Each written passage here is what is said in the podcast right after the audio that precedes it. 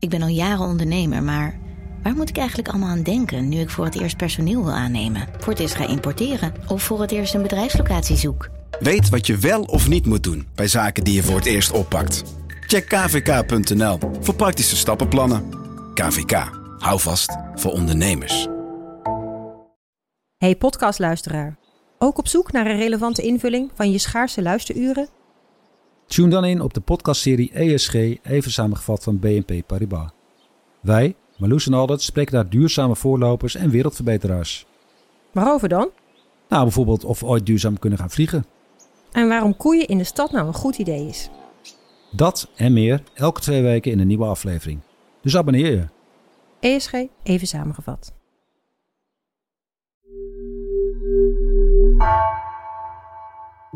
Vanaf de redactie van NRC het verhaal van vandaag. Mijn naam is Misha Melita.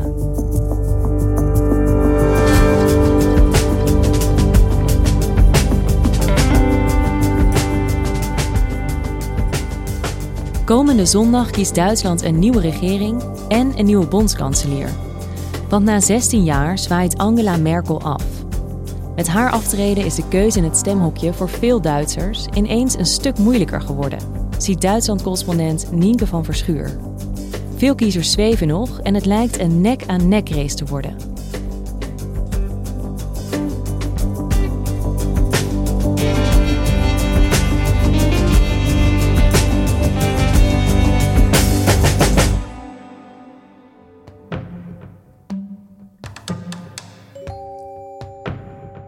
Ich möchte eine Regierung anführen, die unser Land nach vorne bringt. Eine Regierung, die sich etwas vornimmt. Dit is Olaf Scholz, de lijsttrekker van de Sociaal-Democraten, de SPD. Hij was in het laatste kabinet minister van Financiën, in het laatste kabinet van Merkel. Daarvoor was hij um, jarenlang uh, burgemeester van uh, Hamburg. En Olaf Scholz denkt dat hij aanstaande zondag tijdens de Bondsdagverkiezingen in Duitsland de eerste zal worden. En um, zoals het nu er naar uitziet in de peilingen staat hij ook op nummer 1. Hij heeft nu uh, zo rond de 25 procent. Maar de Christendemocraten, de CDU van Armin Laschet, um, volgt op de voet met 22 procent in de peilingen. En CDU, dat is ook de partij waar Merkel bij hoort, toch? Ja, dat is de partij waar Merkel bij hoort. En um, Merkel die zwaait na 16 jaar af. Dus um, het zijn hele spannende verkiezingen. Voor welke kant kiest Duitsland, welke koers kiest Duitsland? En zijn de Duitsers dan toch het CDU van Merkel beu? Ja, daar lijkt het misschien wel op. En deze Olaf Scholz, zeg jij, zou wel eens de nieuwe bondskanselier kunnen worden. Ja, en dat is heel erg opmerkelijk, want eigenlijk wilde zijn partij hem niet eens als voorzitter. Dus bijvoorbeeld in 2019, toen waren er voorzittersverkiezingen um, binnen de SPD. En toen um, heeft de meerderheid Olaf Scholz dus niet gekozen. Want eigenlijk vindt zijn partij Olaf Scholz um, niet links genoeg en niet sociaal-democratisch genoeg. Ook kort voor die voorzittersverkiezing um, was er een opmerkelijk moment op de Duitse televisie. Einen schönen guten Abend. Freue mich sehr, dass Sie dabei sind. Herzlich willkommen in die Runde und schönen Abend Ihnen zu Hause. Willkommen. Bij de talkshow Marcus Lanz zaten de twee uitdagers van uh, Olaf Scholz. En aan Saskia Esken werd gevraagd, die inmiddels voorzitter is van de SPD. Ja, is uh, die Olaf Scholz, is dat wel een uh, standvastige sociaaldemocraat? Habe ich Sie auch nicht gefragt. Ich habe nur gefragt, ob Olaf Scholz ein standhafter Sozialdemokrat ist. Saskia Esken die twijfelde, maar die zei uiteindelijk van nou, dat heb ik zo in de laatste jaren, in al die jaren dat Olaf Scholz actief is in de politiek, nog niet uh, zo kunnen vaststellen. Das kann ich in, im Lauf der sehr, sehr langen Jahre, die Olaf Scholz jetzt tätig ist, ähm, so nicht beurteilen, ehrlich gesagt. Dus daarmee doet ze eigenlijk alsof haar eigen inmiddels kandidaat-kanselier uh, niet echt een sociaaldemocraat in hart en nieren is. Oké, dus Olaf Scholz is niet super populair binnen zijn eigen partij. Hoe is hij nu dan toch de kandidaat geworden voor het bondskanselierschap? Ja, dus in uh, 2009 toen werd hij niet als voorzitter gekozen, want uh, ze vonden hem dus niet een goed boegbeeld. Maar in 2020 moesten ze bedenken of ze, ondanks hun slechte stand in de peilingen, ze stonden toen zo rond 16 procent, of ze toch iemand zouden aanwijzen die dan uh, als kandidaat kanselier zou fungeren. Uh, en veel stemmen in de partij zeiden van ja, dat is eigenlijk een zinloze post, want we gaan toch niet winnen en uh, we zijn toch kansloos. Maar goed, Olaf Scholz die, uh, was vastberaden en die heeft zichzelf toen naar voren geschoven. En iedereen dacht van nou, dat is een soort van kamikaze-actie. En nu um, lijkt Olaf Scholz toch uh, gelijk te krijgen. Want zijn partij staat er nu nou, het beste voor in de peilingen. De partij heeft 26 procent en staat zo nog hoger dan de CDU die deze week op 22 procent staat. Het blijft nog heel erg spannend, maar binnen de SPD en Olaf Scholz zelf ook zijn er vast van overtuigd dat zij de uh, volgende kanselier gaan leveren. Ja, want Nienke, wat zijn de grootste, belangrijkste partijen deze verkiezingen in Duitsland? De ehm, drie grootste nu op dit moment zijn dus de SPD. Dat zijn de Sociaaldemocraten. Die zijn een beetje vergelijkbaar met de PvdA in, in Nederland. Maar goed, dus tegen alle Europese trends in um, wordt de SPD dus nu wel groter dan ook bijvoorbeeld de PvdA in de afgelopen jaren is geweest. En dan heb je de CDU, waar Merkel natuurlijk uh, eh, 16 jaar het boegbeeld van was. Dat zijn de, dus de Christen-Democraten. En dan heb je tot slot uh, de Groenen. En die zijn een beetje vergelijkbaar met GroenLinks in Nederland. Maar zij proberen wel ook een veel, ja, een, eigenlijk een moderatere toon aan te slaan. zodat ze ook mensen van het platteland kunnen trekken en ook ouderen. Ze hebben zelfs een sportje opgenomen waarin een groepje Duitsers of een groepje kiezers staat te barbecuen. En daaraan zie je dat ze echt wel van hun imago als uh, een partij die alleen maar het leven minder leuk maakt, uh, een verbodspartij, zoals de Duitsers dat noemen, af willen. En uh, Merkel zwaait af met deze verkiezingen.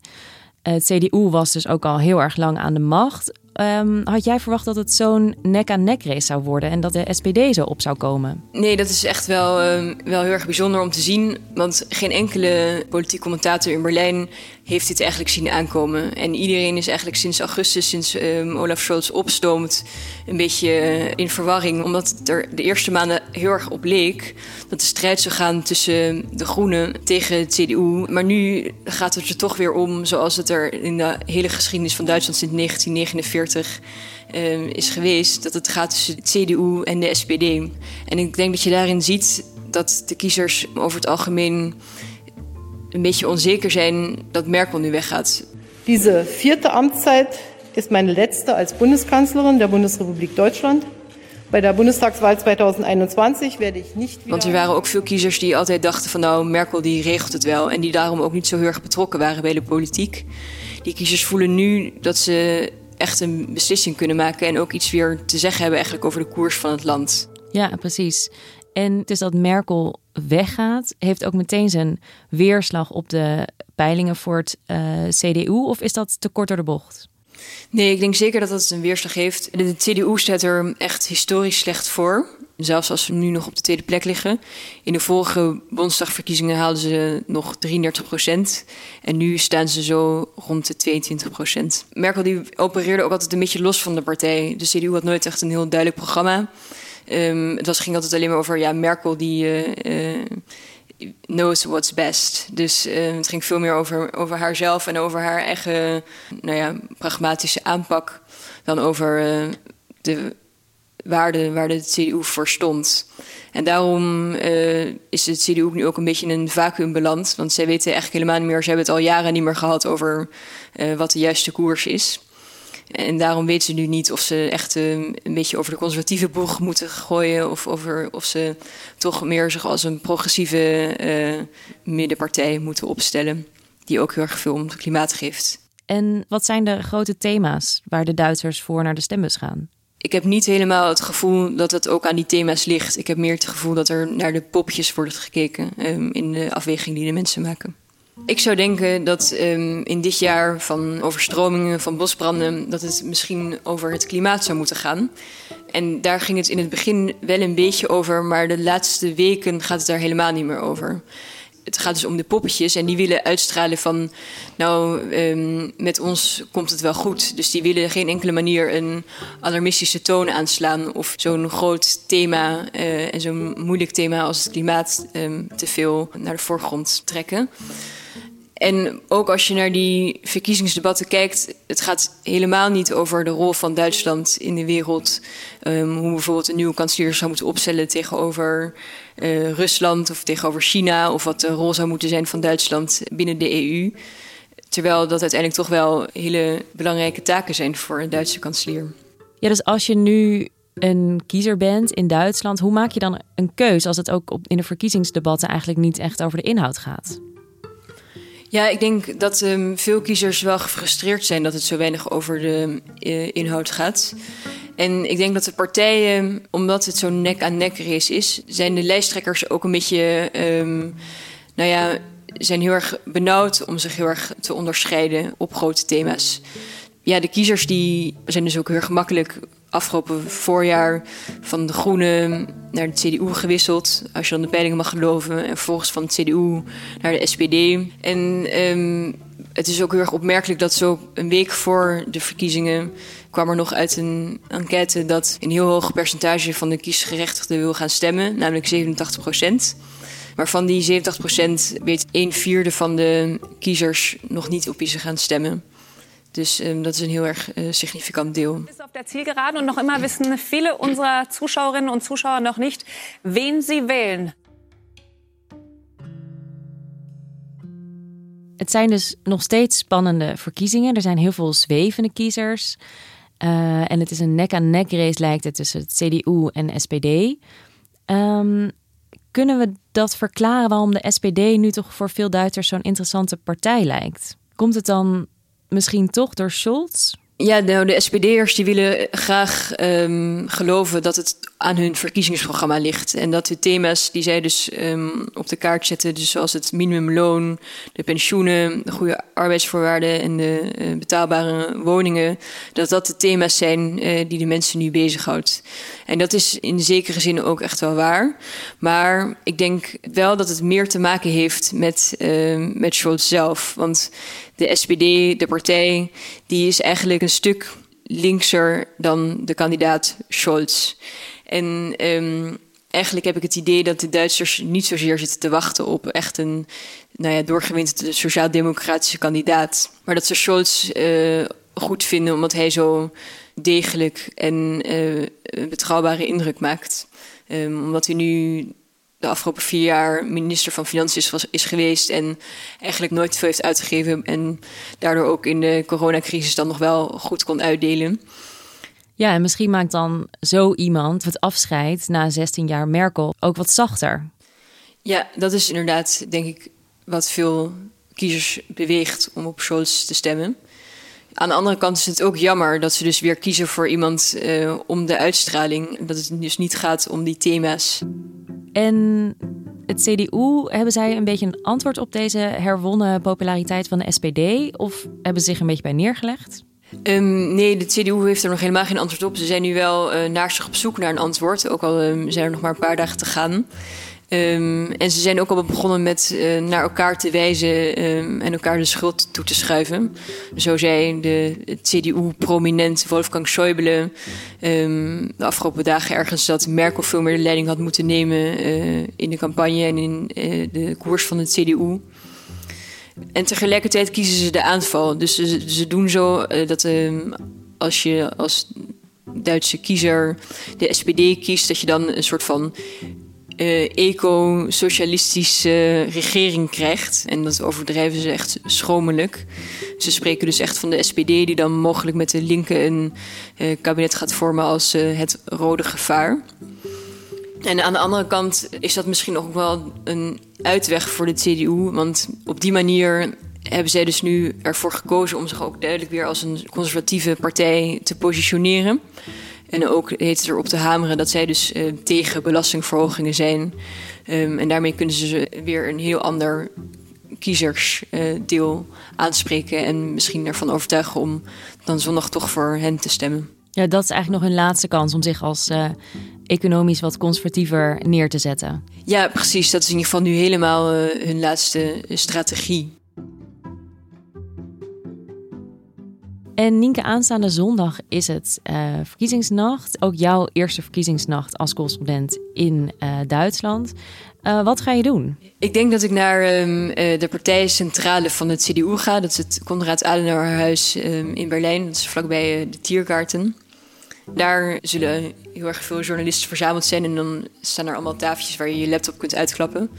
Ehm, en dan hoop ik een glimp op te vangen van ehm, Merkel en Laschet uh, als ze de eerste verkiezingsuitslagen te horen krijgen. En hoe denk je dat de sfeer daar gaat zijn als de SPD wint? Als ze de eerste verkiezingsuitslagen horen. Nou ja, dat wordt hoe dan ook. Als, het, uh, als ze verliezen, dan is het natuurlijk een groot drama. En als ze winnen, dan uh, zullen ze ook hun, uh, hun, geluk niet geloven. Maar ik denk um, wel dat ze zich een beetje als schap zetten voor, um, voor een mogelijk verlies. Maar ik denk wel dat, die, dat de partij dan uh, heel erg hard op zoek moeten naar een nieuw programma, een nieuwe identiteit. Een oude generatie zal afzwaaien. Merkel, misschien moet Laschet ook wel plaatsmaken. En dan moet er echt een hele nieuwe generatie christen-democraten aan de slag. En um, wat verwacht jij van de Duitse politiek als Olaf Scholz inderdaad de nieuwe bondskanselier wordt?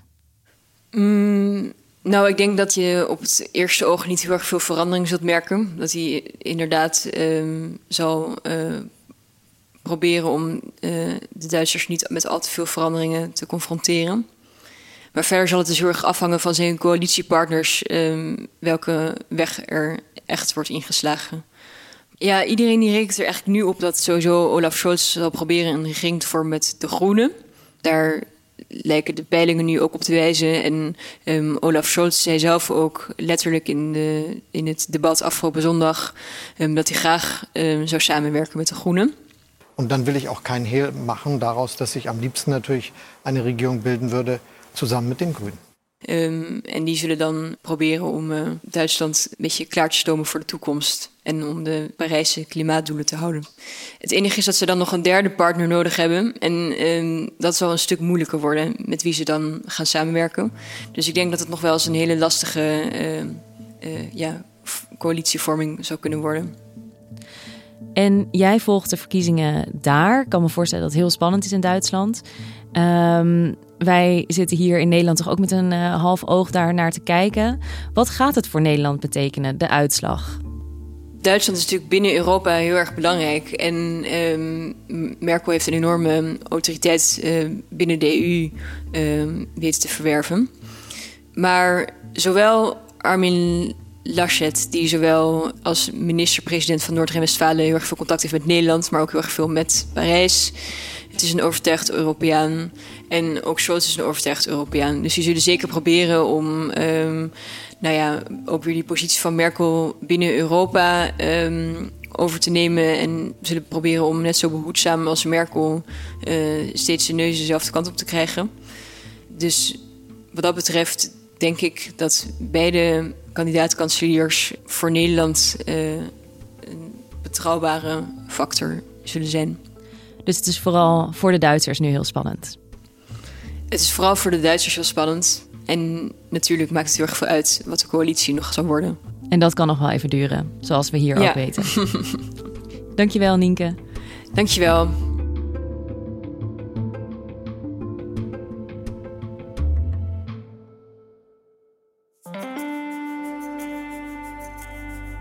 Je luisterde naar vandaag, een podcast van NRC. Eén verhaal, elke dag. Deze aflevering werd gemaakt door Wijken van Koolwijk, Julia Vier en Bas van Win. Heb je altijd al willen weten hoe vandaag gemaakt wordt? Op vrijdag 24 september vertellen de makers er alles over op het Podcastfestival. Wil je daarbij zijn? Kijk voor meer info op podcastfestival.nl. Dit was vandaag, morgen weer.